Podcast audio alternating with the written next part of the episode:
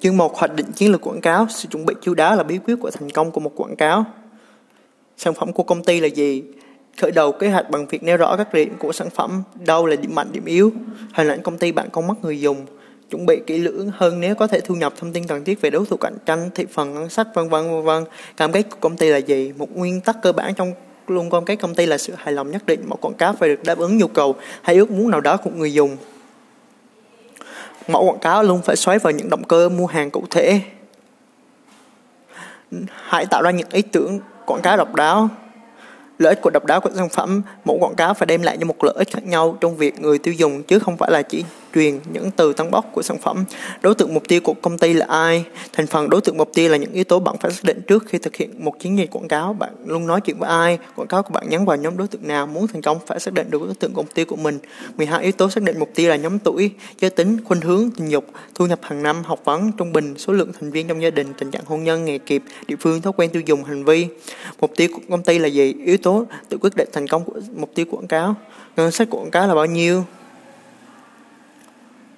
Ngân sách quảng cáo bao nhiêu, doanh thu hàng năm là bao nhiêu tỷ phần hiện nay là bao nhiêu tỷ phần mong muốn, mục tiêu ngắn hạn, dài hạn là bao nhiêu, hiện tại đối thủ cạnh tranh của bạn chi tiêu trong quảng cáo. Trên thực tế, có thể áp dụng các phương pháp xác định tỷ lệ cho quảng cáo chi theo khả năng. Đây là phương pháp phổ biến các doanh nghiệp vừa và nhỏ.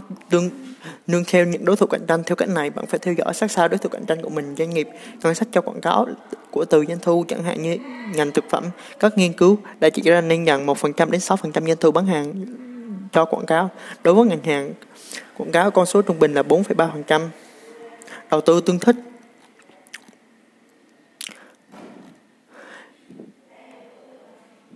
55% cách định vị sản phẩm. Nhóm người tiêu dùng của bạn sẽ quan tâm đến sản phẩm của bạn. Nhóm người tiêu dùng sẽ quảng cáo của bạn đến sẽ nhắm đến quảng cáo của bạn sẽ nhắm đến những lợi ích nào? Câu hỏi những câu lời để nhắm rõ các định vị có gì khác nhau giữa kim đánh đăng Crest Boulevard và Turbo có gì khác nhau giữa Cola, Pepsi và Seven Up? Thông điệp định vị sản phẩm trong quảng cáo nhất thiết phải định vị sản phẩm một cách kỹ lưỡng. Kem đánh răng em chiếm giữ 10% thị phần. Của định vị sản phẩm đích thực chiến lược áp dụng cho những công ty thuộc hàng tiên phong ngành kinh doanh.